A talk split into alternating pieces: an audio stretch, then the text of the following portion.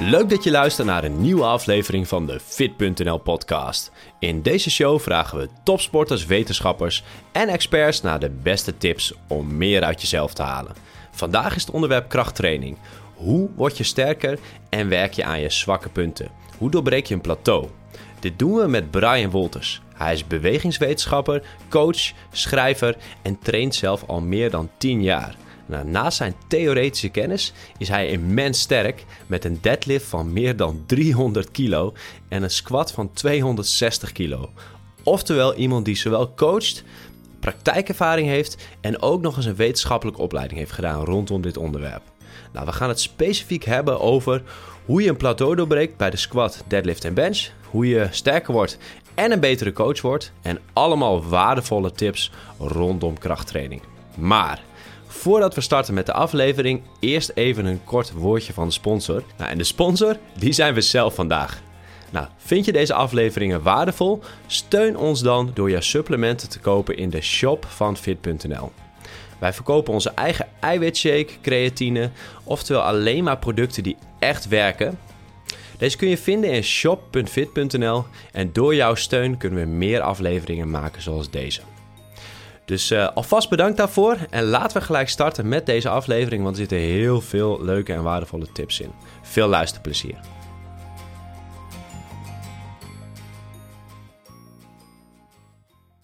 Brian, welkom in de show. Dankjewel. Dat zei ik wel echt heel erg in het Engels. We zijn toch een Nederlandse podcast. maar ik heb wel, ik heb wel, een, wel een Britse naam, dus uh, op ja, zich, uh... Brian Walters. Hey, uh, jij bent bewegingswetenschapper. je bent zelf nou, best wel fanatieke trainer. En, maar je traint ook zelf fanatiek, met zware gewichten. Dus wel iemand waar we veel van kunnen leren. En we gaan het vandaag hebben over nou, het werken aan je zwakke punten, waarom dat belangrijk is. ik ken jou heel goed en je bent ook wel een bekende in de wereld. Maar voor de luisteraar kun je jezelf even kort introduceren. Mijn naam is dus Brian. ik, ik ben als trainer werkzaam bij, bij Vondel Gym. Ik train daar zelf klanten, maar ook trainers. Dus ik, ik, werk aan de interne opleiding. Um, en ja, ik heb dus een, een master in bewegingswetenschappen. En heel, ik ben heel lang competitief powerlifter geweest. Dus inmiddels al heel wat jaren terug. Maar best wel lang in het, in, ja, in het, in het krachtsportwereldje gezeten. En ja, in, in, in eerste instantie natuurlijk heel erg bezig geweest met zelf zo sterk mogelijk proberen te worden. En naarmate ik de trainerswereld inrolde, verschoof dat meer naar andere mensen uh, helpen met sterker worden of progressie boeken in, uh, in de gym. En uh, ja, ergens in dat, op dat pad heb ik jou leren kennen en nu zitten we hier. Ja, leuk. Nou goed. Maar goed, dus je bent met die kennis die je zelf hebt opgedaan, probeer je dat nu met anderen te delen. En uh, nou, ik, waarom ik uh, jou heb uitgenodigd in deze podcast, in deze aflevering, is uh, omdat ik zelf merk, maar ook van de mensen om me heen, trainers hoor, dat jij heel erg werkt aan zwakke punten, heel erg procesgericht probeert te verbeteren. En dat is ook waar we het vandaag over willen gaan hebben. Waarom het zo belangrijk is om te werken aan je zwakke punten. En het, het sterke is dat jij dus zelf veel kilo's kunt tillen, maar ook bewegingswetenschap hebt gedaan en ook al heel veel jaar ervaring hebt in de praktijk. Dus dat is een mooie combo. Um, als we het hebben over het werken aan zwakke punten, uh, kun je een soort van inleiding geven waarom het zo belangrijk is om zeg maar, aan, aan het proces te gaan werken van zwakke punten in plaats van, ah, ik ga gewoon zonder plan de gym in? Uh, ja, ik denk dat veel mensen bij zwakke punten in eerste instantie heel erg een, een, een soort bodybuilding associatie hebben van mijn triceps lopen achter of zo. Um, maar in dit geval hebben we het meer over zwakke uh, plekken in een beweging. En het is eigenlijk als jij je, je compound, je complexere compound movements hebt, dus je, squats, je bench presses, je deadlifts, dat soort dingen. Dat is natuurlijk altijd een samenspel tussen verschillende spiergroepen over verschillende gewrichten. En het idee is altijd als jij dan een squat doet, dat je natuurlijk al die betrokken uh, spieren traint. En dat dat allemaal natuurlijk beter wordt of sterker wordt. En wat ik in de praktijk uh, zie, is dat het eigenlijk zeer zelden zo is dat al die schakels in die, in die beweging tegelijkertijd even goed reageren of even hard vooruit gaan. En dat je dus eigenlijk bijna altijd, ondanks dat je mooie uh, dat je oefeningen kiest die een, een hele bewegingsketen trainen, dat je bijna altijd ziet dat er ergens dus spieren wat sterker worden, wat sneller sterker worden dan, dan anderen. Ik denk dat dat een beetje de, het uitgangspunt is hiervan. Ja. En als ik bijvoorbeeld een, een, zeg maar een soort van commerciële uh, sportschool binnenloop, uh, dan wil ik niet uh, mensen tegen hun tenen aantrappen, maar ik merk gewoon dat er echt nog zoveel valt te halen qua, qua techniek. Ik merk bij de wat serieuzer, vaak ook bij de CrossFit gyms, dat daar wel heel erg bewust met techniek om wordt gegaan. Maar als er eigenlijk geen echte begeleiding is, zijn er heel weinig mensen die echt procesmatig bezig zijn dus met hun beweegketen en het verbeteren daarvan. Um, we gaan het vandaag dus hebben over jouw uh, proces. Welk, Tegen mhm. welke plateaus jij bent aangelopen, wat je daarin hebt gehad. Ja. Maar ook de cliënten die je hebt gecoacht. En je bent momenteel ook nog met een boek bezig, dus daar gaan we ook nog uh, verder op in. Um, laten we eerst even starten met uh, jouw eigen traject en de lessen die je daarvan hebt geleerd. tegen welke plateaus ben je aangelopen? En dan kun je meenemen dan in de kilo's. en ook bijvoorbeeld hoe je dan net weer dat stukje sterker bent geworden. En bijvoorbeeld een, nou, praktisch voorbeeld hoe je dat hebt gedaan. Uh, ja, zo, dat is al even geleden. Ik ben begonnen met trainen in, volgens mij was het 2004. En ik was wat toen een ecto werd genoemd, dus heel skinny en ik was niet heel sterk. En eerste training bench press was volgens mij 5 reps 30 kilo. Eerste keer deadliften 5 reps 50 kilo. En ik weet nog, het zal nooit ja, vergeten. voor nu hè, want, want, want wat doe je nu? Uh, wat ik op dit moment doe, weet ik eerlijk gezegd niet. Nou, op wedstrijden? Uh, ik heb Toen? op uh, mijn laatste wedstrijd heb ik 260 kilo gesquat met alleen een riem. 165 gebenchpressed en 330 deadlift met alleen een riem. Ja. En ik heb ooit in een... Dat is het beste wat ik op één dag heb gedaan. En ik heb ook ooit nog wel eens een, een sloppy 175 kilo gebenchpressed. Uh, maar in die tijd was ik zwaar gewicht. En uh, inmiddels uh, ben ik wel één of twee kledingmaten omlaag gegaan weer. Dus dat soort gewichten til ik nu niet meer. Ja, het is bijna de zes keer zoveel als in het begin. Ja, ja en, dat, en dat, ik vind het een leuke vraag die je stelt ook naar mijn eigen proces. Want er zijn natuurlijk, dat is best wel een lang traject geweest destijds. En waar inderdaad wel bepaalde plateaus bij hoorden. En wat ik dus eigenlijk merkte was, ik begon met trainen en ik leerde gelukkig vrij snel. Oké, ik moet veel eten en ik moet, ik moet squatten, ik moet pull-ups doen, ik moet vijf rep maxes doen, dat soort dingen. En dat ging eigenlijk heel lang best wel goed. Dus ik denk dat ik, ik weet niet meer hoe lang ik over deed, maar dat ik relatief gestaag wel naar bijvoorbeeld een 100 kilo benchpress ging. Uh, 130, 140 kilo squat, dat soort uh, getallen. En maar die 100 kilo benchpress, dat was iets, daar liep ik toen verschrikkelijk tegenaan. Dat, het duurde op zich niet super lang tot ik hem had. Maar ik heb daarna, volgens mij bijna een jaar, heb ik vastgezeten op die 100 kilo benchpress. Terwijl ik ondertussen wel zwaarder werd. Maar mijn, mijn overhead press ging omhoog, dat weet ik nog wel. En mijn deadlifts en dat soort dingen werden ook allemaal wel beter.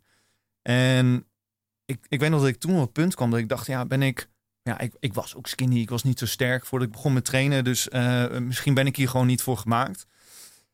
En dat was hoe ver ik kwam met eigenlijk willekeurig hard trainen. Je wel, gewoon drie, vier per week een mooi full body schema. Vijf RM's, drie RM's, tien, tien RM's, tien rep maxes. Um, en veel eten. En toen kwam ik in aanraking met uh, wat ideeën van Westside Barbell. Uh, verhalen van uh, Louis Simmons, een bekende Amerikaanse powerlifting coach. Ja, zetten we even in de show notes voor de luisteraar.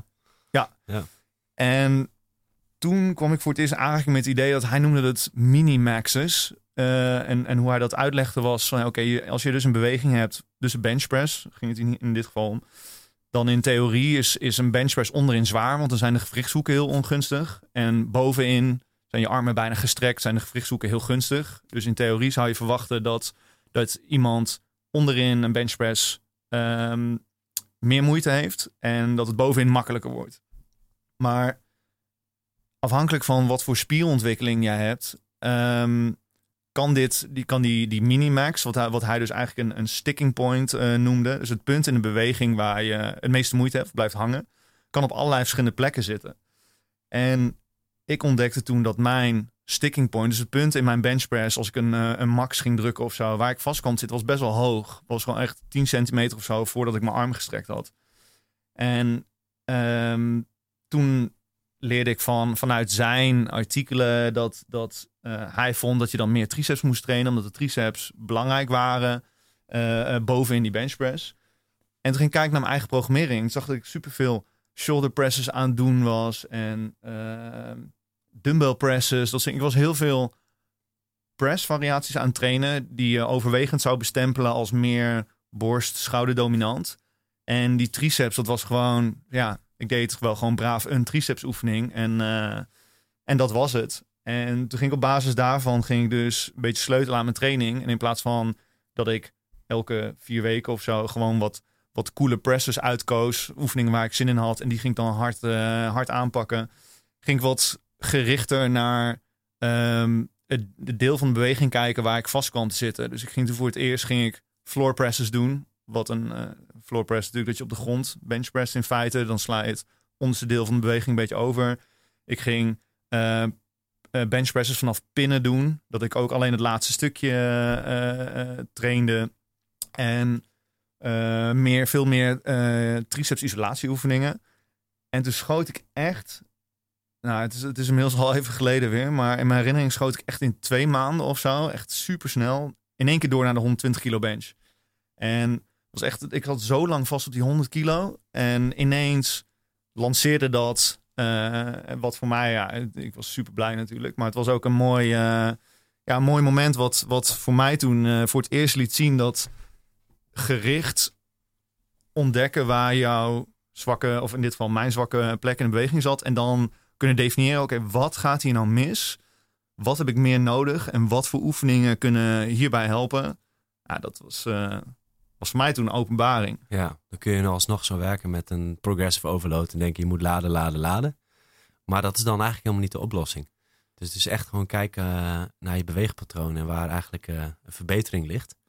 ben je er nog meer tegen zulke plateaus aangelopen? Dat is echt een mooi voorbeeld. Uh, ja, ik had later met de deadlift had ik hetzelfde. Uh, deadlift was een beweging die, die lag mij van nature wat beter. Dus ik werd daar relatief snel wel wat sterker in. En uh, ik zat toen jaren later, zat ik, ik wilde heel graag 300 kilo deadliften. En ik heb denk ik misschien wel twee jaar of zo wel in de buurt gezeten. En dan tilde ik een keer 280, een keer 285. En dan iedere keer als ik dacht van, ja, ben, ik ben nu vijf kilo zwaarder. Ik heb nu, nu gaat echt, het lukken. Ik heb nu echt goed geslapen en uh, nu gaat het lukken. Ja. En ik tilde die 300 maar niet. En toen kende ik natuurlijk inmiddels dat, dat pad wat ik had bewandeld met die benchpress. Wat een oefening was waar ik veel meer moeite mee had. Dus waar ik eigenlijk veel sneller in mijn trainingstraject al naar dat soort mm -hmm. ja, specialistische programmering moest gaan kijken. En toen keek ik naar mijn deadlift. dacht ja, ik heb mijn zwakke plek in de deadlift zijn de floor magnets. Ze noemden dat. Sommige mensen als een deadlift tillen, die, die komen rond hun knie vast te zitten. Mm -hmm. Of zelfs boven de knie blijven ze hangen. Kunnen ze ja, hun heup niet doorstrekken. Dat, uh, dat gestutter, zeg maar. Dat zie je mensen echt helemaal bewegen en ja, shaken. Alsof ze een toeval krijgen. Ja. En, uh, uh, maar ik heb dus last van de, van de floor magnets. Bij mij gaat hij... Hij, hij komt als hij gaat, de, dan gaat hij. Ja, als hij gaat, dan versnelt hij in principe door omhoog. Dus als ik voel dat, ik, dat ik hem twee centimeter los heb, dan, dan kan ik de stang al bijna loslaten. Ja, en dan komt het omdat je dan, waar heb je dan, wat is dan jouw sterke punt? Uh, nou, mijn sterke punt zit dus heel erg boven in de ja. beweging. En ook door mijn, door mijn lichaamsbouw. Ik heb zelf vrij lange ledematen en een vrij korte romp. En dat is verschrikkelijk voor benchpress. Want ik heb nu dus een best wel lange bewegingsuitslag voor de benchpress. Maar voor een deadlift uh, is een korte romp samen met lange armen is heel gunstig. Want dan kan je relatief rechtop blijven. Je hoeft niet zo heel diep te zakken om bij de stang te kunnen komen. Dus ik heb best wel gunstige uh, uh, bouw voor alle hip hinge bewegingen, voor de deadlifts. Maar mijn benen, omdat ik dus relatief lange benen heb, uh, die kunnen, ja, daar kan ik moeilijke kracht mee genereren. Dus ik merkte dat ik gewoon echt leg drive tekort kwam om, die, om zwaardere gewichten of om die 300 van de grond Ja. te tillen. Voor, even voor de toelichting, kun je heel kort hip hinge en leg drive toelichten? Dus in, uh, in principe als je een deadlift doet, dan het eerste stukje als beweging start, Mhm. ehm, dan ben je eigenlijk met name je benen aan het strekken. Je maakt een soort eh, quarter squat, of dat een, een duidelijke Mhm. term is, Ja. eh, tot dat gewicht eh, in de buurt bij je knieën komt en dan begint langzaam het strekken van je heup. En, en dat in dat deel van de beweging ja, meer, ben je dus minder afhankelijk van je beenkracht en wat meer van je, wat je heupen en je, en je onderrug kunnen. En ja, ik, ik ben dus best wel sterk in mijn heupen, onderrug, dat gebied. Maar minder sterk in mijn, eh, in mijn knieën in feite. En toen ontdekte ik dat dus. En dacht ik, oké, dan kan ik wel iedere keer ehm, Romanian deadlifts blijven doen. Of, en deadlifts uh, vanaf pinnen en, en uh, plateau deadlifts, dat soort dingen. Dus ik was, ik was super hard aan, aan het trainen en super veel. Maar ik constateerde dat eigenlijk een best wel groot deel van het trainingsvolume um, accentueerde eigenlijk iets waar ik al heel veel van had. Ik was eigenlijk, mijn probleem was, die stang kwam niet van de grond als die zwaar genoeg was. Dus ik, ik dacht, ja, waarom, waarom ben ik dan alles aan trainen waar ik wat aan heb wanneer die stang al omhoog is? Want ik moet hem loskrijgen. Want dat is wel allemaal trainingsvolume waar je van moet herstellen. Je wordt er moe van, je beschadigt je spieren ervan. Het zorgt er wel voor dat je, het, het kost gewoon uh, herstelcapaciteit. En toen ging ik dus veel meer focussen op, die, uh, op mijn knieën in feite. Dus veel meer quad-dominante training doen. En ik schroefde eigenlijk de hoeveelheid werkelijke deadlifts die ik deed best wel terug. Ja. En uh, ik weet nog dat ik in die tijd uh, veel meer safety bar squats deed. Veel meer uh, front squats deed. front squats met een, met een pauze om front squats vanaf pinnen. Volgens mij wordt het tegenwoordig vaak Anderson front squat genoemd. dat ik leerde om vanuit mijn benen uit een doodpunt kracht te genereren. En ik deed ook superveel bijoefeningen als in machine hack squat. Echt, uh, wat destijds waren dat, vond ik dat ordinaire bodybuild oefeningen. Want de echte powerlifter trainen natuurlijk alleen met, uh, met, met klinkend ijzer. Uh, en ja, volgens mij drie maanden later of zo, half jaar later, toen, toen vloog op een wedstrijd die 300 omhoog. En, Dan moest wel echt een feestje zijn geweest. Ja, ja, ja vooral omdat je ook aan het proces hebt gewerkt. Dat je echt hebt gezien van hé, hey, ik heb het verschil weten te maken. En heb je ook in die periode los daarvan nog veel gedeadlift? Of heb je eigenlijk gewoon veel meer gewerkt aan die, aan die, uh, aan die quads? Nou, wat ik dus merkte is als ik heel zwaar deadlifte, dan werd ik daar heel erg moe van. Uh, acuut. Um, maar ook als ik, als ik dan een 300 of bijna 300 kilo deadlift tilde, dan had ik soms, dan kwam ik drie, vier dagen later kwam de gym in en dacht ik, oké, ik heb zwaar gedeadlift, een paar dagen terug. Ik, doe, ik zal, pak nu even een ander bewegingspatroon. Ik ga vandaag squatten. En dan squat ik een lege stang en dan schoot gewoon direct de kramp in mijn onderrug. En ik had in ieder geval heel veel moeite om daarvan te herstellen. Eh, zowel mentaal als, uh, als lichamelijk. En wat ik toen leerde was dat als ik uh, veel lichtere deadlifts deed, um, dan was dat niet zo zwaar op mijn lichaam. Lichter, dat was dan in die tijd uh, 70% of zo, 75%. Ik merkte als ik dat deed, dan kon ik mijn techniek wel onderhouden. En als ik veel good mornings en zo deed, dan kon ik ook wel de betreffende deadlift spieren, zeg maar, die, die, die uh, hip hinge. Mhm. Dus goed blijven trainen. Uh, maar als ik een good morning deed, of als ik ging deadliften en ik ging vijf reps deadliften, dan moest ik 260 kilo tillen of zo. Ja. Maar als ik een vijf rep max good morning deed, dan leek die beweging er eigenlijk heel erg op. Maar Ja. in plaats van 260 had ik dan eh 140 kilo of zo op mijn nek. En dan merkte ik gewoon dat ik wel iets kon trainen wat heel erg op deadlift leek, maar wat veel minder zwaar voor me was. En had ik volgens veel meer ruimte over in mijn training om dus die, die front squats en, die, en zelfs die, Ja. die hack squats en leg press en dat soort dingen te pakken. Eh, om iets meer in te zoomen op wat ik, eh, wat ik, waar ik niet genoeg van had. Ja, dus je gebruikt eigenlijk die accessory oefeningen, zoals ze dat noemen dan, Ja. voor eh, het versterken van die spieren, of in ieder geval het in stand houden van, van die hamstring bijvoorbeeld, of een onderrug, Mhm. eh, om die basis te blijven behouden. Maar dit is wel met de aanname dat jouw deadlift techniek gewoon constant en altijd kwalitatief was, dat die eigenlijk eh, goed was. Stel je voor, je hebt een klant die eh, moeite heeft ook nog met die techniek, om die groove te krijgen, Ja. dan moet je misschien wel blijven, meer dat blijven trainen. Ik- Ik denk dat het ook wat, als je online ontstaan ook vaak discussies over van heb je nou om sterker te worden in bijvoorbeeld een deadlift, moet je dan heel vaak heel veel deadliften? Of heb je heel veel accessory oefeningen, eh, ondersteunende oefeningen nodig? En dat is een beetje, een beetje Russische school om heel weinig bewegingen heel vaak en heel veel te trainen.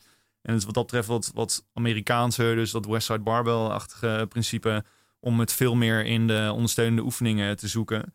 En ik denk dat je als, als beginner, als je natuurlijk net eh, een half jaar of anderhalf jaar of zo aan het trainen bent, dan kan je het beste zo vaak mogelijk die bewegingen oefenen. En dan moet je ook gewoon zwaar tillen. Je moet gewoon zwaar tillen in een beweging waarin je beter wil worden. eh, veel eten, dat soort dingen. En want dat is dan de snelste manier natuurlijk om die, om die techniek in te slijpen. En, eh, en dus ook een betere deadlifter te worden. Maar als je op een gegeven moment op het punt komt dat gewoon hard trainen niet meer werkt. Dan kan je niet, je kan niet oneindig lang blijven herstellen. Je kan niet oneindig lang eh, trainingen in je extra trainingen in je week blijven proppen. Waar je dan nog maar even wat extra deadlifts gaat doen. En dan moet je denk ik, eh, dan wordt je programmering een soort, eh, moet wat economischer worden. Want dan moet je denk ik, of dat is waar ik in geloof, als je meer ervaring hebt, dat je dan ehm, wat meer pick your battles moet gaan kijken. Wat heb ik nodig? Waar kom ik vast te zitten en welke oefeningen passen daarbij? Ja. Dus wat beginners vaak doen, is het schema van Arnold Schwarzenegger erbij pakken. Kijk dus echt kritisch wat je nodig hebt. Dat is echt een belangrijke. Ja. ja. Nou, we hebben nu de bench en de deadlift gehad aan de hand van uh, jouw persoonlijke voorbeelden en jouw plateaus. Um, kun je ook een voorbeeld geven aan de hand van de squat, waar je met zwakke punten, nou, veel mensen die dit luisteren, die zijn uh, met die oefening bezig. Voor uiterlijke redenen, maar ook voor krachtredenen. Uh, hoe haal je meer uit die oefening? En nou, kun je een voorbeeld van een plateau en hoe je met iemand die doorbroken hebt? ik kreeg vorig jaar, of twee jaar geleden, een, een nieuwe klant. En die, ik zag hem toen voor het eerst. En hij, was al, hij had ook die fase achter de rug, gewoon wel hard aan trainen. En ik kon ook gewoon fysiek aan hem zien dat hij had best wel dikke benen. En toen vroeg ik hem tijdens de intake van, ah, oké, wat om even een, een, een, inzicht te krijgen in wat je tilt, wat kan je squatten? En toen zei hij, ja, 80 kilo, uh, 5 reps. Kijk nog eens naar die benen. Ik zo, hoezo squat jij maar 80 kilo vijf keer? Je moet echt veel meer kunnen. En vervolgens ging ik vragen naar zijn programmering. En uh, dat waren allemaal leg presses, leg extensions. Het was eigenlijk een beetje klassiek bro-programma uh, met een hoop machines voor zijn benen en, uh, en weinig meer dan dat. En ik liet hem vol squatten, zag er wel goed uit. Zag de, technisch gezien was een mooie squat. Maar kijkende naar zijn benen en ook naar het type training wat hij deed, was het, vermoedde ik, dat hij heel sterk was in zijn bovenbenen squats, omdat gewoon zijn rug en heupen dat niet bij konden benen. Dus ik heb hem toen het eerste programma wat ik, hem maak, wat ik maakte voor hem, toen liet ik hem wel squatten. Uh, of in het, ik maakte toen een, een uh, onderlichaamprogrammering voor hem. Kreeg hij één squat oefening. En verder had ik alles uh, op die heupen, billen, hamstrings, onderrug gericht. Dus hij mocht verder, hij mocht drie, vier setjes of zo squatten elke week. En verder moest hij Romanian deadlifts, pin deadlifts, back extensions,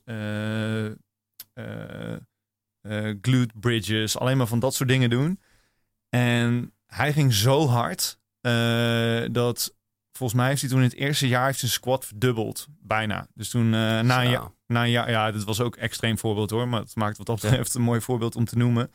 Dat in uh, de zomer daarna squatte die volgens mij drie reps met 160, als ik me niet vergis.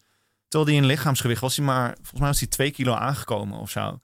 En dat was een mooi voorbeeld dat hij kon, hij kon echt wel goed squatten, technisch gezien.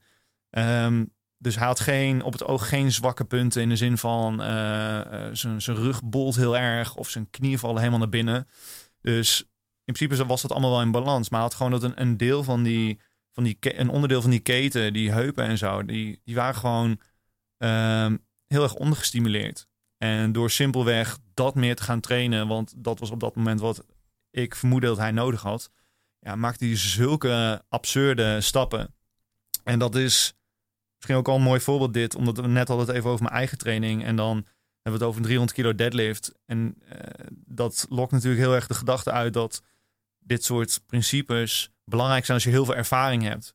Maar ik geloof dat dit eigenlijk op elk niveau relevant is. Dat als jij ook al squat je 80 kilo, wat voor een gemiddelde 30-jarige man niet superveel is, ook dan is het denk ik al waardevol als jij inzicht krijgt in wat gaat er nou, ook al ziet mijn squat er wel mooi uit, wat gaat er nou fout? Blijf ik onderin die squat al hangen? Blijf ik halverwege die squat hangen? Val ik altijd voorover? Want dat zijn altijd, wanneer je moe wordt of wanneer het gewicht zo zwaar is je niet meer kan tillen, wat er dan gebeurt, dat geeft altijd super veel informatie over uh, wat fout gaat. Ze zeggen ook wel eens uh, kracht is een skill. Um, omdat hij al veel massa heeft en niet heel veel meer massa daarbij kwam. Als je nu kijkt naar, als je een inschatting moet geven, hè, want het kan ook zijn dat die persoon nog wat is afgevallen. Mm -hmm. uh, dat misschien toch wel wat vetvrije massa erbij is gekomen. Uh, en zijn, nou, zijn achterkant van zijn lichaam was dus de beperking ja. in die squat. Is daar wat, wat massa bij gekomen? Of heeft die, is die persoon beter in staat geweest om die, die groepen te activeren en daardoor een, een, een strakkere squat te krijgen? Beide, denk ik. En dat dit is een mooi voorbeeld omdat hij niet zo heel veel zwaarder werd. Um, kan je, het niet, kan je zijn progressie niet wegschuiven onder... eh, ja, maar hij, is, eh, hij kwam ook 15 kilo aan, weet je wel. Als je, als je heel veel aankomt, dan, ehm, dan verandert dat ook de, de beweging een beetje. En dan maakt dat, dat maakt dan die progressie heel moeilijk te traceren. Maar het was juist omdat hij dus ongeveer even zwaar bleef. Tuurlijk zullen zijn, zijn onderrug en zijn en beelspieren en zo zullen in, eh, in volume zijn toegenomen. Maar het was niet, eh, niet heel drastisch. En als je dan wel bijna twee keer zoveel squat, dat is, dat is absurd. Ik heb dat ook nog nooit zo erg meegemaakt, eh, moet ik erbij zeggen. Ehm, maar kracht is absoluut een, een skill. En ik denk dat dat dus ook de, dat is ook de reden waarom ik net al, al zei... dat als jij nog een relatief beginner bent... wil je gewoon zoveel mogelijk die bewegingen oefenen. Want je wil gewoon dat, dat die neurologische... Of dat, dat, die, die coördinatie wil je optrainen. Je wil je spieren beter leren inzetten. En eh, ja, het, het vergroten van spieren hoort daar wel bij. Ehm, maar als je zo sterk mogelijk wil worden... is dat niet het hele verhaal. Nee, massa is wel een groot voorspeller van je kracht. Maar eh, het aansturen is eh, net zo belangrijk. Absoluut. Ja, of aan de werk aan die beperkingen. Een ander interessant onderwerp wat ik eh, vaak tegenkom, en ook echt wel zeker bij mezelf ook, is het eh, nog een stukje een beetje van ego. Van ja, nee, ik kan het allemaal zelf wel en eh, het, eh, ik kom er zelf wel uit. Nou, de periode dat ik zelf gecoacht werd, ging ik echt ook wel heel veel stappen vooruit. Hebben we gewerkt aan ook aan, eh, aan die, nou ja, quote-on-quote eh, zwakke punten van mij. Ja. En ik probeer dat, dat principe nu ook echt over te nemen. Dus ik werk ook meer aan mijn quads. Komt wel voor. Ja. Ehm, hoe zou jij nu de, de luisteraar die bijvoorbeeld geen geld heeft om een coach in handen te nemen, maar toch wil werken aan zijn zwakke punten, wat voor tip zou diegene eh, mee willen geven? Of is er een goedkope manier om toch met een coach samen te werken? Ehm, hoe kun je dat identificeren? Als je misschien nog niet zo heel veel ervaring hebt, zoals jij bewegingswetenschap, bewe- bewegingswetenschap hebt gestudeerd, Mhm. is daar een andere oplossing voor? Ik denk dat een, eh, een, een goed startpunt is dat je, als je kijkt naar de bewegingen die je wil verbeteren, of het nou een squat is of een overhead press, eh, whatever, ehm, film het. Film je zwaarste sets, film je het liefst een 1 of een 3 rep max of zo en kijk waar begin je nou te grinden, waar kom je nou vastzitten in de beweging. En als je dat weet te, eh, te identificeren, dan kan je oefeningen kiezen die dat deel van de beweging gaan accentueren. Dus om terug te komen bij het voorbeeld van mijn benchpress, dat eh, een, de stang vliegt altijd van mijn borst. En dan het laatste stukje heb ik heel veel moeite mijn armen door te strekken. Ja, ik heb precies hetzelfde probleem. Ik heb ook wat een relatief lange armen. Ja. Ja. ja. en als je relatief lange armen hebt en niet, zo, niet zoveel triceps eh, talent, dan ben je, heb je een double whammy te pakken. Want bij mij voelt het echt alsof, een, eh, alsof mijn borst een soort trampoline is. En dan mijn armen twee sp- spaghetti slierten zijn die ik dan er nog net tussen probeer te wringen voordat de stang weer terug naar beneden valt. Ehm, maar door, door te identificeren waar kom je vastzit in de beweging en dan variaties op die oefening uit te kiezen die dat accentueren, dan ben je al heel goed bezig. En dus om het bij het, voorbeeld van de benchpress terug te komen, als je bovenin vast komt zitten, dan kan het heel waardevol zijn om dus benchpress variaties te, uit te kiezen in je training die dat bovenste deel accentueren. Zoals bijvoorbeeld een floor press, waarbij je het onderste stukje eigenlijk van de beweging eruit haalt. Of ehm benchpressen met bands, of benchpress vanaf pinnen, dat de stang wat hoger ligt.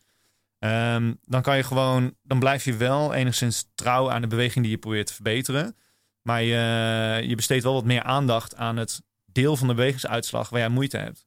En dus misschien om nog wat voorbeeld te noemen. ehm, als jij wel bij een deadlift wil blijven, maar je hebt altijd moeite met. Je hebt de floor magnets, wat ik ook heb. Stang komt moeilijk los van de grond. Dan kan het waardevol zijn om, om deficit deadlifts te doen. Weet je, dat je zelf op een verhoging gaat staan. Of andersom, als je bovenin vast komt te zitten, kan het heel waardevol zijn om, eh, om te deadliften vanaf blokken of pinnen. Dus dat de stang juist wat hoger ligt.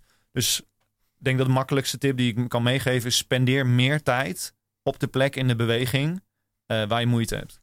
Nou, ik denk dat het een hele waardevolle tip is. Ehm, zijn er nog kanalen, eh, YouTube-kanalen, podcast of, of, of websites waar je eh, zeg maar die, die veel voorkomende fouten kunt zien? Je hebt al een aantal toegelicht, maar je zegt van hé, eh, ik heb niet zo'n klein, of ik heb niet zo'n groot budget. Daar zou ik naartoe gaan om eh, te werken aan die punten.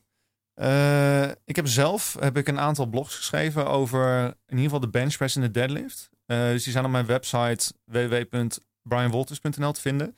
Ehm, dus heb ik een lijst gemaakt met, van oefeningen die, die goed kunnen werken als je bepaalde zwakke plekken in een beweging hebt. Ehm, maar ik heb zelf heb ik een heel groot deel van deze kennis uh, oorspronkelijk van Westside Barbell geleerd, gejat. En, uh, en ben ik er zelf mee aan de haal gegaan. Dus als je hier echt heel diep in wil duiken, is denk ik allerbeste punt om te beginnen is de, de Westside Barbell artikelen gaan lezen. En de, de podcasts en de, en de dvd's van, uh, van Louis Simmons gaan, gaan lezen en luisteren. Terwijl het is niet heel makkelijk verteerbare informatie. Uh, waar denk ik sommige krachtgoeroes heel erg in de wetenschappelijke, de wetenschappelijke kant op leunen.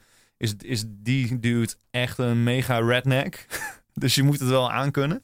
Uh, maar dat is wel echt een goudmijn van, uh, van praktische informatie. Ja, ik denk dat je daar wel een goed punt aan stipt. Je hebt zeg maar de hele evidence-based wereld. Die uitgaat van, nou ja, iets moet zijn getest en dan werkt het. Maar je hebt natuurlijk ook de, de, de 50 of 100 jaar aan praktijkervaring in de sportschool. Wat natuurlijk ook heel veel met zich meebrengt, maar niet altijd getest is. Maar uit de praktijk blijkt wel dat dingen werken. Nou, jij bent ook weer een praktijkvoorbeeld. Hier is het weer de NS1 variant. maar goed, inmiddels zijn er zoveel N'en in deze wereld dat, uh, dat we best wel een beeld hebben uit de praktijk. Um, we kunnen zo langzamerhand al wel weer naar het stukje trainers gaan. We hebben nu al heel veel praktijkvoorbeelden gehad. Mm -hmm. uh, hiermee heb je ons een klein beetje beschouwing gegeven van hoe je ook als uh, trainer met dingen om moet gaan. Uh, jij loopt echt al een tijd rond in het vak. Vaak in deze wereld uh, zijn mensen een aantal jaar actief en dan verlaten de branche. Vaak omdat het lastig is om hier echt je volledige uh, geld aan te verdienen. Maar ook omdat het een hele ingewikkelde branche is. Veel concurrentie. Um, je ziet veel mensen komen en gaan. Wat zijn nou de meest voorkomende fouten die jij ziet onder trainers? Wat je zegt van oh, dat zou ik echt aan de branche willen meegeven. Of dat zou veranderd kunnen worden. Ik denk dat um wat ik het meeste zie gebeuren, is dat trainers niet echt een eigen trainingsidentiteit hebben. En daardoor heel veel moeite hebben om hun boodschap over te brengen. Ik zie best wel veel startende personal trainers uh, of krachttrainers in het algemeen. Die zelf eigenlijk niet zo heel veel trainingservaring hebben. Ook niet zo heel veel trainingsbeleving lijkt te hebben. En die dat dan volgens wel gaan verkopen. En het lastige is daarmee denk ik dat je natuurlijk niet per se heel veel credibility hebt. Um, maar ik denk ook te zien dat heel veel trainers die met zo'n achtergrond, die dus eigenlijk zelf niet zo heel veel trainen, een beetje sterke uitspraak, dat die zich ook heel het gevoel hebben dat ze zich heel erg moet verstoppen in kennis en kennis vergaren. En als ik om me heen kijk en de trainers die ik overwegend zie die het, uh, het succesvol zijn en die meeste business hebben, zijn dat bijna altijd mensen die of een bepaalde niche hebben, die zich eigenlijk als trainer een beetje toespitsen op of dat nou krachttraining of strength and conditioning of, of zwangere vrouwen trainen is.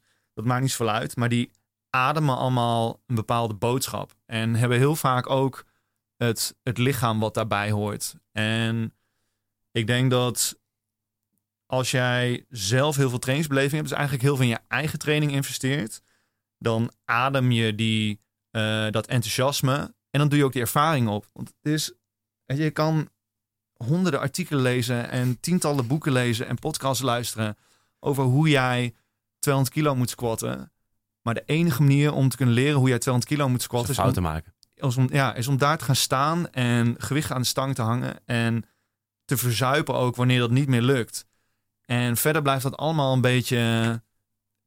Kijk, je kan heel veel informatie blijven verzamelen, maar het is uiteindelijk een praktisch vak. En ook omdat uh, die, de, de wetenschappelijke informatie is super waardevol. Maar het is altijd maar een heel klein deel van de, van de puzzel. En er is geen. Er bestaat geen onderzoek wat, wat een soort van allesomvattende uh, conclusie kan, kan geven betreffende hoe er getraind moet worden. Dus je kan daar wel van leren, maar je moet het uiteindelijk als onderdeel meenemen van je training. Dus ik denk dat wat ik, wat ik heel veel zie bij uh, trainers, zoals ik dat net noemde, is dat ze eigenlijk zelf te weinig trainingsbeleving hebben. Of niet, uh, misschien niet eens genoeg met de eigen training bezig zijn. En dan volledig afhankelijk zijn van wat heb ik gelezen en wat heb ik gehoord. En, en wat voor inmiddels bewezen informatie heb ik bij me. Dat het onmogelijk wordt om daar een, uh, nog een, een, een, een, ja, een trainingsmethodiek van te maken. Ja, maar wat ik ook wel vaak tegenkom is dat er misschien een beetje te simpel tegen het vak aangekeken wordt. Van, ah, we gaan even, we gaan even een beetje bewegen. Ah, het wordt soms bij, ah, je bent uh, trainer. Maar het is echt, zoals we nu net al bespreken, dat je echt moet gaan analyseren. Het is, uh, het is niet zo van, oh, hier is het schema en uh, succes. Maar je moet echt ook analytisch zijn, sociaal. Heel veel vaardigheden die daarbij komen kijken. Dus ik ben echt van mening, maar misschien spreek ik een beetje van eigen parochie. van, kijken we daar niet een beetje te simpel tegenaan? Dan moeten we eigenlijk, moet je eigenlijk als personal trainer misschien wel, wel 10 of misschien 15 jaar rijpen om echt heel veel waarde te kunnen bieden. ja, ik denk dat dat ook een beetje is waar de, de trainingswereld vandaan komt. Dat ik ben, hoe lang geef ik nu training? Sinds 2011. Toen ik begon met personal training geven, toen was, toen was personal training net een beetje uh, zijn oude imago aan het afschudden. Als jij 15 jaar geleden zei dat je personal trainer was, dan dacht iedereen dat je een soort veredelde poolboy was die met een fluitje in zijn mond achter zijn klant aanliep en uh, of op of onder zijn klanten lag. en dat, dat was een beetje het klassieke beeld van de personal trainer. En het is natuurlijk een onbeschermd beroep. Uh, iedereen mag het doen. Ja, iedereen kan nu naar KVK gaan, zich inschrijven als, uh, als trainer en zichzelf gaan verhuren. Dus er is helemaal geen kwaliteitscontrole. En ik denk dat wel ook onder de, de, de groei van de fitnessindustrie de laatste 10, 15 jaar is natuurlijk veel, heel veel vragen gekomen naar kwaliteitstraining. En ik denk dat de trainerswereld, de trainersindustrie dat ook beantwoordt door dus te proberen te professionaliseren. Maar eigenlijk weet niemand wat een goede trainer is. En dus ja, wat kan je doen? Ja, dus je gaat maar naar cursussen, je gaat maar weer naar een seminar en dan leer je weer wat trucjes en dan hoop je dat je daar uh, beter van wordt. Maar het is heel lastig te, te definiëren beroep. En ik denk dat je daarom dus ook een grote groep trainers krijgt, om terug te komen wat, wat ik net uh, aangaf, die eigenlijk niet zo genoeg in de trenches trainingservaring zelf hebben. Wel die informatie proberen te verzamelen en dan niet zo heel goed weten wat ze daarmee aan moeten. En dan ik zie soms ook wel eens in de gyms, dan, dan zie ik twee trainers en dan hebben ze een discussie over welke uh, borstoefening nou voor maximale activatie zorgt. En dan zie ik, en dan, en dan zitten ze op zo'n bankje en dan doen ze cablefly en dan nee, je moet je hand zo houden of je hand zo houden, dan is de beste borstoefening. En dan zie je dezelfde figuren, zie je een jaar later, ze zien nog exact hetzelfde uit en hebben nog steeds diezelfde discussies. En ik, wat zijn nou aan het doen? Uh, ga Gaat, gaat ga trainen. draaien. Ja, zo ja, ga, stop met het, met het oude hoer. Ga meer eten. Hang wat meer gewicht aan de stang. En niet dat ik het oneens ben met hun, met hun uit. ik het, denk is, dat, het is een beetje micromanagen, terwijl misschien het grotere plaatje wel een stuk belangrijker is. Majoring in the minors. Ik denk dat dat een heel groot probleem is van heel veel moderne trainers. Dat ze zo graag ja. willen dat ze evidence-based zijn. En dat ze dus ook niks meer durven te zeggen en te doen wat niet evidence-based is. Ja dat ik denk dat het dan eigenlijk onmogelijk wordt om te trainen. Ja, ik denk dat het ook de kracht is als je durft te speculeren. Ik denk dat het juist heel goed is dat je daar buiten durft te stappen en juist uitspraken durft te maken. Ik denk dat, dat vind ik altijd wel een kracht. Alles zolang je maar kan onderbouwen en dat je er ook echt een uh, goed sterk verhaal van kunt maken. Door middel van praktijk of uh, deels vanuit de wetenschap extrapoleren. Ja. Dat is een beetje waar ik uh, naar kijk. Um, ander punt, want je hebt nu zeg maar een soort van, van, van, van, van verbeterpunten voor trainers. Wat was, zeg maar, als je nu terugkijkt naar jou, jezelf vijf jaar geleden. Ja. Uh, welke tips zou je jezelf als trainer uh, vijf jaar geleden, en dan hebben we niet over het evidence-based verhaal, ja. maar welke tips zou je jezelf geven als je vijf jaar terug mag? Uh, durf meer te zijn wie je bent. En een beetje een gekke uitspraak misschien, maar ik merk dat hoe langer ik trainer ben, hoe meer vertrouwen ik krijg in mijn eigen missie en in mijn eigen uh, atmosfeer die ik als trainer neerzet, de beleving die ik aan mijn klant geef, hoe meer ik ook merk ik mensen aantrek die daarbij passen en die daar dus goed op gaan. En wat ik had toen ik begon als trainer, toen kwam ik dus, dat was volgens mij had ik toen, was een beetje rond mijn laatste powerlift wedstrijd. Dus ik, uh, ik woog toen 115 kilo of zo en ik kwam de sportschool in en uh, een, een personal training gym in Utrecht en alle klanten die ik kreeg, het eerste wat ze zeiden, ja, ik wil niet worden zoals jij bent. En uh, dat ik gevoel dat ik me heel erg moest aanpassen. Dus, eh, en, dus in eerste instantie wilde ik iedereen als powerlifter trainen. En toen merkte ik, nou, dat werkt niet helemaal. Maar het ging later eigenlijk, ging door een fase waarin ik me voor mijn gevoel te veel in het ja, personal training stramien uh, liet slaan. Waardoor ik eigenlijk ook een beetje mijn eigen missie uit het oog verloor. Voor een deel in ieder geval.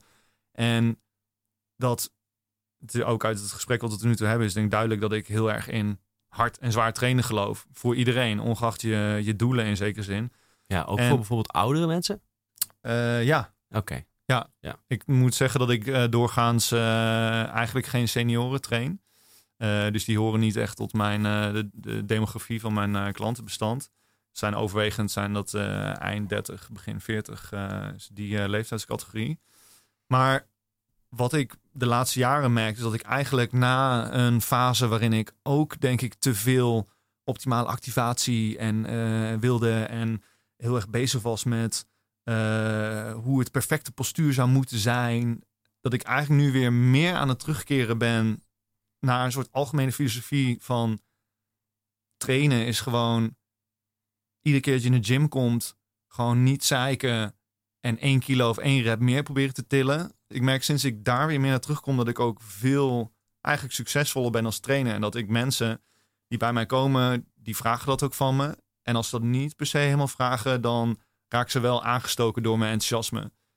Dus ik ben eigenlijk weer iets meer aan het terugkeren naar mijn niche als strength coach. En niet meer zozeer als algemene personal trainer. En ik merk dat ik sindsdien echt ook veel meer business heb eigenlijk. Ja. En dus is het ook een stukje meetbaar, wat mensen soms ook fijn vinden. Ja. Ja. Absoluut. Over eh, die passie gesproken. Je bent nu inmiddels ook bezig met een eh, boek over dit onderwerp. Sterk en gezond. Dat is de titel. Correct, Eh, toch? Er is een voorlopige titel en dat is Kracht. Krachten. Ah, dus, maar je hebt, je hebt wel gelijk. Het, het is onderdeel van een boekenserie van Ja. Arie Boomsma en Klaas Boomsma. Ja. Wat Sterke Gezond heet. Ah, kijk. En, En dit dit is is- dan onderdeel kracht. Precies. Ja, maar Dus- wat, wat voor boek wordt het precies? Want eh, we hadden het er net over dat je bezig bent nog eh, met het schrijfproces. Ja, de, de insteek is dat het een, een basisboek voor krachttraining is. En ik denk dat mijn. ehm, wat ik met dit, met dit boek probeer te bereiken, is dat ik dus een middelweg probeer te bewandelen tussen enerzijds die wetenschappelijke hoek en anderzijds eh, gewoon die praktische kant. En ik heb zelf heel veel trainingsboeken gelezen en ik, ik lees heel veel blogs en artikelen en dat soort dingen. En ik heb het idee dat het bijna altijd of volledig eh, bro is. Dus ongefundeerde uitspraken, eh, rela- relatief oppervlakkige artikelen. Of het is extreem wetenschappelijk. En die bro-artikelen, die hebben maar beperkte waarde, want ja, die informatie is helemaal niet getest. Maar anderzijds zijn die, die wetenschappelijk gefundeerde stukken vaak zo droog en zo eindeloos lang.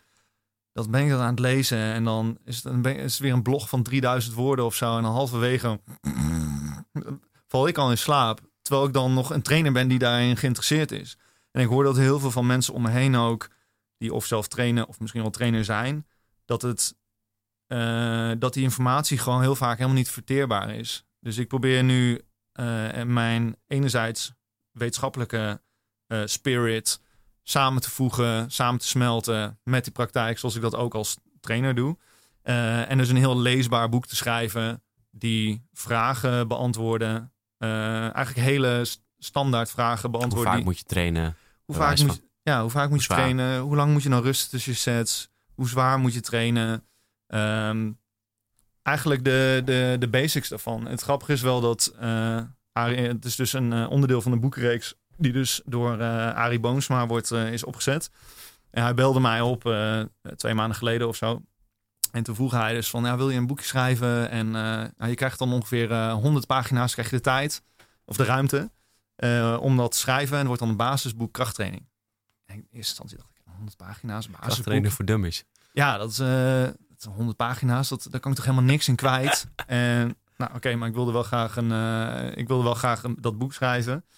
Dus ook helemaal bezig ging ontdekte ik eigenlijk, dit is, er bestaat eigenlijk helemaal niet zoiets als een echt basisboek. Terwijl, kijk, ik, ik beschrijf de, de fundamentele dingen van krachttraining. Maar ik merk dat ik zelf ook gewoon eh, hier en daar onderwerpen echt even weer ook in de, in de theorie moest duiken. eh, om mijn kennis op te frissen. En ook tijdens dat schrijfproces heb ik ook gewoon weer een heleboel dingen geleerd eigenlijk. Dus eh, nou, ik, eh, ik ben heel enthousiast. Ik denk dat het een boek is wat voor een ieder die al een beetje aan het trainen is, maar eigenlijk niet zo goed weet wat hij moet, dat hij daar heel aan heeft. Maar ik durf ook te zeggen dat er heel veel eh, professionele collega's van me zijn die als ze me openslaan stiekem ook zo denken. Oh, Het is toch wel handig om even wat van die handvaten te hebben. Ja. Ja. ja. Ja. En ik denk ook als je een paar honderd bladzijden, dat dat, dat soms ook misschien wel de plank mislaat. Omdat je nu veel concreter hebt, een handvat. En misschien sluit je nu ook wel veel beter aan bij de vraag van de consument. Ja, het, het kan, je kan de allerbeste informatie kan je verzameld hebben en vertellen. Maar als mensen het niet willen lezen, is het in zekere zin waardeloos, denk ik. Ja, nou ik ben heel benieuwd. wanneer komt hij uit? half december moet in de winkels liggen. Leuk. Nou, nou ik ga hem sowieso bekijken. We zijn zelf ook met een vergelijkbaar boek bezig. Dat is interessant. Dus die kunnen mooi naast elkaar. Dus, uh... We zijn eigenlijk concurrenten hier. ja, nou, ik denk in deze wereld uh, zijn heel veel uh, merken. Kijk, denk aan automerken. Die draaien er heel veel op de weg rond.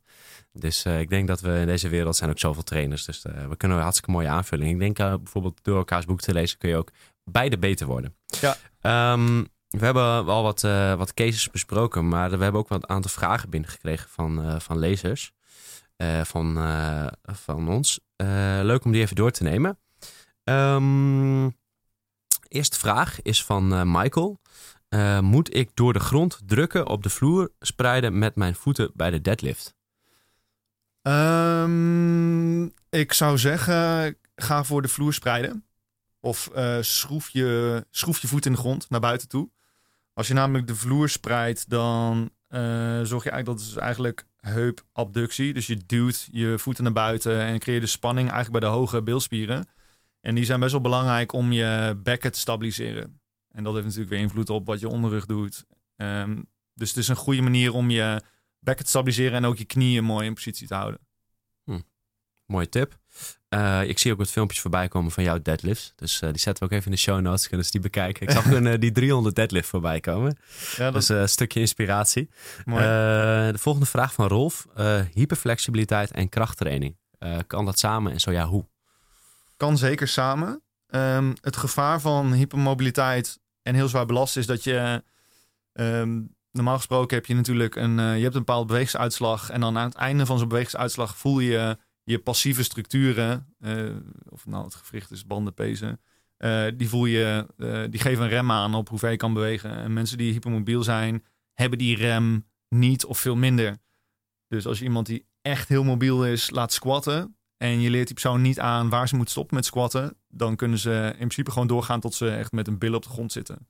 En ondertussen nog op, op hun uh, voeten staan. Maar je wil ook spanning houden natuurlijk. Want ja. Uh, op een gegeven moment te diep komt, verlies je misschien ook wel een bepaalde vorm van spanning die juist functioneel is voor, voor de kracht. Ja, als je die, precies. Dus wat er dan gebeurt is dat mensen eh, die dus eindeloos door kunnen zakken in een squat, is dat ze het gevoel hebben dat ze daar gewoon kunnen komen. Maar die, die kunnen natuurlijk nooit meer een mooie neutrale rugpositie vasthouden.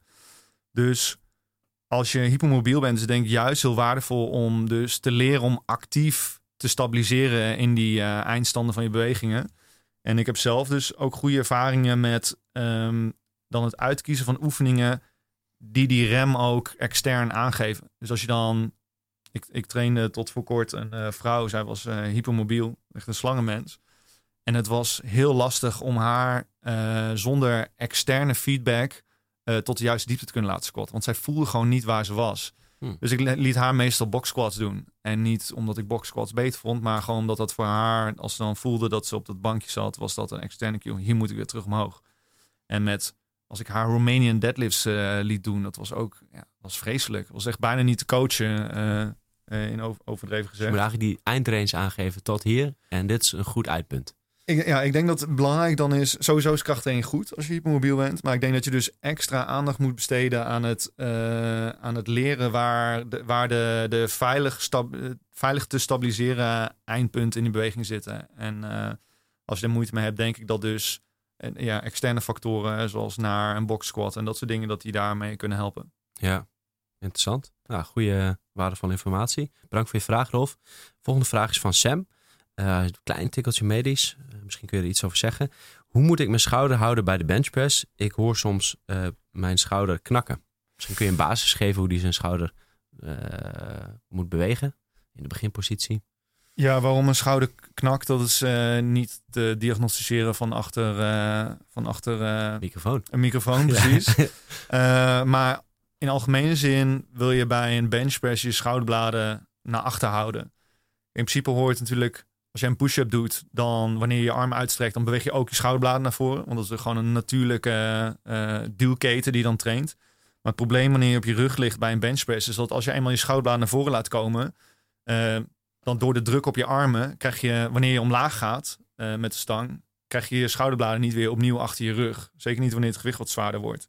En als jij dan dus met je schouders heel erg naar voren hangend onderin de beweging van de benchpress komt, dan hebben onder meer je uh, het, het schouderkapsel, voorkant, heeft dan, krijgt dan zwaar te verduren. Dus je komt eigenlijk een beetje in gekke gewrichtshoeken terecht. Dus, of in kwetsbare gewrichtshoeken, dat moet ik zeggen. Ehm, dus ik, mijn algemene advies zou zijn, hou je schouderbladen naar achter. Dus knijp je schouderbladen bij elkaar en hou ze daar tijdens de hele set. Ja, maar mocht het dan zo blijven, ja, ga even met een medisch specialist praten, fysiotherapeut. Ja. Om te kijken of er een probleem is. Uh, dan heb ik nog een vraag uh, zelf, ja. waar ik ook met een collega van mij, Nick, over heb gehad, maar ook met een cliënt. Ik zat er een beetje over te sparren. Ik ben benieuwd hoe jij erover denkt. Je ziet dat heel veel beginners, als ze de chin-up doen, dat ze helemaal gaan krommen. Dus je ziet dat vaak uh, vooral als ze niet echt op techniek letten, dat ze dan proberen heel erg de borst naar de stang toe te gaan en dat de heup gaat buigen. En dat ze eigenlijk een beetje een soort van egeltje maken. Um, en dit is een soort van natuurlijk correctiepatroon, lijkt het te zijn. Ja. Waarom uh, gebeurt dat? Uh, waarom doen mensen dat? Of waarom doet je lichaam dat? Maar bedoel je dan dat ze hun onderrug ook heel erg hollen? Um, bollen juist. Dat je, je hebt twee vormen. Ja. Is dat je zeg maar zo'n onderrug gaat hollen. Ja. Maar je hebt ook de vorm dat je zeg maar een soort van egel maakt en dat je jezelf er naartoe trekt en je knieën omhoog brengt. Ah. Waar, waarom, zou je dat, waarom zou je denken dat, dit, dat het lichaam dit, dit, dit op deze manier aanstuurt? Uh, ik denk dat doorgaans, wanneer je compensatiepatronen ziet in elke beweging, dat je dat lichaam onbedoeld naar een positie beweegt waarin het uh, mechanisch gezien de meeste kracht kan, uh, kan leveren. Dus wat je nu omschrijft, dan zie je ook vaak dat de schouders heel erg naar voren hangen. dat mensen zich, zich, klein maken. Ja. En in feite, ik denk dat je dan met name de latissimus, zeg maar belangrijke prime mover in de pull-up, dat je die dan uh, dichter bij zijn uh, optimale contractielengte brengt. Dus dat je, die, dat je de, de grote rugspier dan in een positie brengt dat hij makkelijker kracht kan genereren. Ik denk dat dat het belangrijkste is wat er gebeurt. En dan zie je dus dat mensen hun schouderbladen een beetje loslaten en dat dus de biceps en de lats, dat die heel makkelijk uh, kracht kunnen zetten.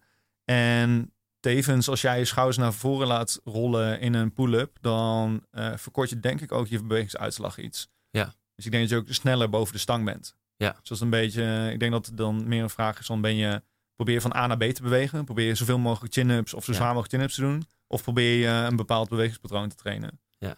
En ik denk wel ook wel misschien dat je daardoor misschien nog iets meer de borstspier schouders bij de beweging betrekt. Uh, Zou kunnen. Dat is ook nog een theorie van mij. Ja. ja, ja. Maar plus dit. Ja. ja. Je maakt een iets uh, makkelijker uh, beweegpatroon. In ieder geval, je ziet het heel vaak. Maar dat compensatiepatroon andersom zie je ook vaak terug. Dus ik vind het heel interessant om dat te onderzoeken. Want dat is eigenlijk weer het werken aan zwakke punten. Waarom doe je dat? kan vast een reden zijn. Of dat bijvoorbeeld een bepaalde spiergroep niet sterk genoeg is om dat te doen. Ja. Ja. ja die, uh, als ik nog uh, iets over mag zeggen, die, die, uh, die lats die, die hechten natuurlijk aan de binnenkant van je bovenarm.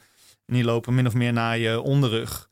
Dus als je kijkt naar dat soort compensatiepatronen, dan zie je eigenlijk dat je dus ook die afstand tussen de bovenarm en de onderrug aan het verkorten bent.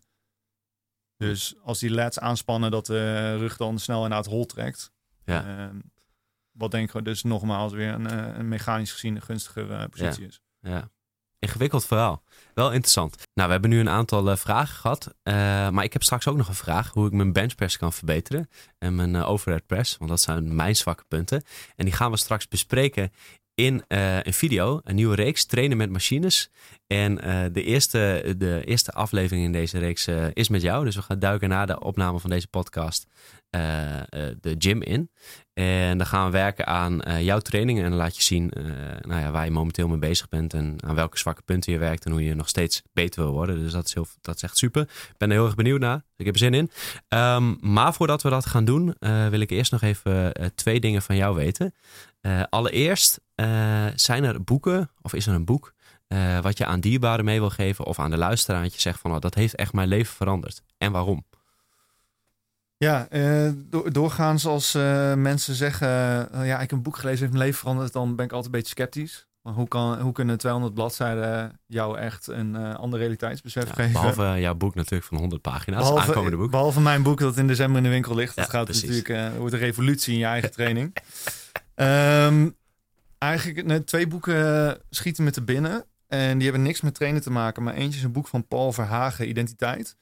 En dat is eigenlijk dat is een Belgische psychotherapeut, als ik me niet vergis. En Mhm. dat is echt een, een beetje een rant over de, de tendens van de moderne maatschappij, waarin we dus heel erg naar een soort hyper-individualisme gaan. Geen verbinding meer is tussen mensen. En ehm, hij trekt dan zelfs de conclusie dat we daar, ons daar ziek mee maken. En ik vond dat een heel inzichtelijk boek. En Ben je het trouwens met die beweging eens dat er hyperindividualisme is? Ja, nou, ik heb, eh, ik heb zelf ook mijn, eh, weer een ander verhaal, maar ook mijn, eh, mijn persoonlijke aanvaringen gehad met een burn-out, onder meer angststoornis. En wat zeker hieraan gerelateerd was. Dus misschien dat het daarom ook zo'n verbinding met mezelf maakte. Ehm, maar ik denk inderdaad dat we, ja, ik denk dat de, de maatschappij daar te veel naartoe beweegt. Ja. Minder verbondenheid en veel te veel individuele promotie. Ja, dus eigenlijk is dat een soort van maatschappelijke beschouwing van de huidige maatschappij. Maar staat er ook een manier hoe je daarmee om kunt gaan? Of, of, of is het meer van, hey, we moeten eigenlijk de politiek veranderen, de maatschappij. eh, we moeten een andere beweging ingaan. Ja, het is een eh, wat complexer verhaal. Ik denk niet dat het aan mij is nu om. eh, het is ook volgens mij twee of drie jaar geleden dat ik het boek heb gelezen. Dus Ja. ik zou je niet nu even een, een, een heel tastbare samenvatting kunnen geven. Ja. Ik heb het, wat ik heb onthouden is dat het dan meer een, een rant is. Ja. Maar wel een met absoluut eye-openers en met, eh, ja, met wel heftige kritiek op. Ja. eh, Ja, wat ik, eh, ik heb een podcast van, van hem ge- geluisterd. En wat hij heel erg verkondigt is dat, dat we de verbinding met onszelf een beetje verloren zijn. Dat we eigenlijk niet meer luisteren naar ons gevoel. En eigenlijk maar meegaan in de red race van de samenleving. Ja. Ook in de verwachtingen van anderen. Eh, nou, dat hoor je heel vaak terug. Maar hij weet het echt wel heel mooi te beschrijven. En ook nog om, natuurlijk omdat het ook eh, deels eh, nou, hij dat ziet in de geestesziekte en problematiek. Ja. Vind Ik echt, ja, wel echt heel treffend. Dus zet er even een, een mooie aflevering van, van een van die podcasts in de show notes. We hopen hem ook ooit een keer in de Fit.nl podcast te krijgen. Want ja, ik, ik vind het echt heel waardevol. En het boek ook. Maar je hebt nog een ander boek. Eh, ja, een ander boek wat, ik, eh, wat mij ook echt wel eh, nieuw inzicht gaf was The Spirit Level van Richard Wilkinson. En dat is eigenlijk een heel droog boek. Dat is een boek wat gevuld is met, of een boek wat probeert om welzijn te, te definiëren middels statistiek. Dus het is eigenlijk een, een, een boek met een hoop grafiek en dat soort dingen. Maar ze proberen dus welzijn te, vangen in eh, ja, of het nou teenage pregnancies gaat en eh, inkomen, subjectieve welzijns eh, in happiness index en dat soort dingen. Wat, je ook maar kan verzinnen, wat iets zou kunnen zeggen over hoe goed het met mensen in het land gaat. Daar hebben zij statistieken over verzameld. En de subtitel van het boek is Why More Equal Societies Almost Always Do Better. En dat is eigenlijk best wel een links, politiek links idee. En ehm, wat ik heel, heel eh, boeiend vond aan dat boek was dat je dus landen die, dus hele, die wel heel rijk zijn, zoals de Amerika, maar die heel veel ongelijkheid hebben, dat die dus eigenlijk slecht scoren op al die welzijnsmarkers. En dat Ja. ondanks dat de rijkste Amerikanen veel rijker zijn dan de rijke eh, Scandinaviërs. Ja. Ehm, ze worden wel meer ziek, ze zijn dikker, ze hebben een kortere levensverwachting, dat soort dingen. Ja. Dus dit, was, dit boek was voor mij wel echt. ehm, ik denk dat ik echt wel meer linksleunend ben geworden. Door, eh, niet alleen door dit boek, maar het heeft wel, een, eh, ja, wel mijn ogen geopend. Ja, in die zin. eh, zeg maar, meer nivellering is dus wel echt belangrijk dat we meer gelijke samenleving en bewijs van andere belastingdruk. Is dat dat een beetje wat er naar voren kwam? Dat, zeg maar, dat, dat, we, dat we welvaart meer moeten gaan verdelen in plaats van de, bij de 1 of 2 procent? Ja, en het, laat ik beginnen met zeggen dat ik hier echt zwaar buiten mijn lees ga. Dus, Ja. eh, ja, maar dat is juist goed. Want eh, laten we zien, je hebt het op squat, deadlift, bench gehad. Eh, en heel erg instrumentele dingen over dat. Maar dit laat ook, kenmerkt ook dat jij ook gewoon... Dat je, wat heel veel mensen denken... Ah, personal trainers, die zijn alleen maar met de gym bezig en zo. En, eh, maar er zijn dus ook heel veel andere dingen die jou eh, enthousiast maken. En ik denk dat het wel goed is voor het beeld van personal trainer. Het zijn echt niet alleen maar die kwark, eh, broccoli, kiprijst figuren. ja, Maar er zit vaak nog wel veel meer diepgang achter dan je denkt. Ja. Ja. Ja. Ja, dus, eh, maar goed, dat illustreert het. Dat is hartstikke mooi. Eh, zetten we ook in de show notes. Eh, we sluiten deze podcast altijd af met één tip die de luisteraar of mij mee kan geven. Die mag in de brede zin zijn van het leven. mag ook zijn over training, voeding. Welke tip wil jij vandaag meegeven? Ehm, dan blijf bij trainen. Ik denk de allerbelangrijkste tip die ik kan meegeven is dat trainen leuk moet zijn. En je kan nog zo'n optimaal uitgedokterd trainingsprogramma hebben. de enige manier om super buff en super sterk te kunnen worden, is als jij dit tien jaar lang kan volhouden. En eh, ik heb door de jaren heen zoveel mensen gezien die heel hard gingen op dat ultieme uitgedokterde programma. En die, dat, die eh, eh, zes dagen per week, twee keer per dag in de gym waren. En overal met hun Tupperware bakjes op de verjaardag kwamen. En ze hebben allemaal tien jaar later één ding gemeen in het gemeen. En dat is dat niemand dat meer doet. En dat sterker nog, de meesten zelfs helemaal niet meer trainen. dus ik denk dat er een dat uiteindelijk belangrijkste in trainen is dat je wil blijven komen, dat je wil blijven gaan, dat het, dat het lonend is, dat het leuk is. En daar hoort resultaat bij. Maar daar hoort ook gewoon trainingsbeleving bij. Dus uh, ja. hou het leuk. Ja, dat is een hele goeie. Als ik dan nog één vraag, want interessant is. Ehm, hoe kun je dan mensen dat enthousiast maken over dat, dat procesmatige, dat werken aan die zwakke punten, dat progressie voelen? Uh, hoe kun je mensen er enthousiast maken om dat leuk te blijven vinden? Oeh, um, dat komt eigenlijk een beetje terugdenken bij wat ik eerder zei over dat de laatste jaar mij als, als trainer business-wise beter gaat. Dat ik merk dat, dat ik terugkeer tot waar ik voor sta als trainer. Ik merk dus dat omdat ik heel enthousiast ben over, zoals je waarschijnlijk hebt gemerkt, over krachttrainingen, wat daar, alles wat daarmee te maken heeft. Uh, ik trek, denk ik, heel veel van mijn klanten mee in die wereld. En ze komen misschien mooi voorbeeld. Een van mijn klanten die, uh, die kwam vier jaar geleden of zo, kwam die bij me binnen. Had, hij zat al jaar op de bank, had een nekhernia. En ja, ik denk dat ik een beetje kracht moet doen. En hij benchpress nu, het is gewoon in principe gewoon een kantoorman. En hij benchpress nu bijna 120 kilo. En hij is helemaal getransformeerd. Want ik heb hem geenthousiasmeerd voor, voor de Iron Game. En dus ik denk dat het heel waardevol is als je mensen veel bewustzijn geeft van wat je aan het doen bent en hoe je procesmatig inderdaad op de, aan jezelf kan werken en kan verbeteren.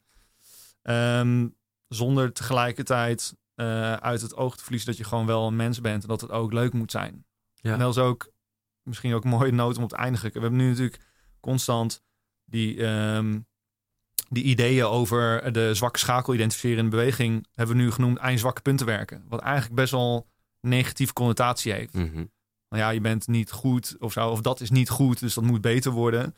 Ehm, ik denk dat dat deels heel waardevol is om in je training te hebben. Um, maar als je alleen maar daarmee bezig bent, dan, is, dan wordt dat hele trainingsproces een soort straf. En dan is het een soort mhm. kastijding waar je jezelf dag in dag uit doorheen loodst. En, en ja, en jezelf berooft van, van plezier, omdat je Alleen maar triceps extensions aan het doen bent.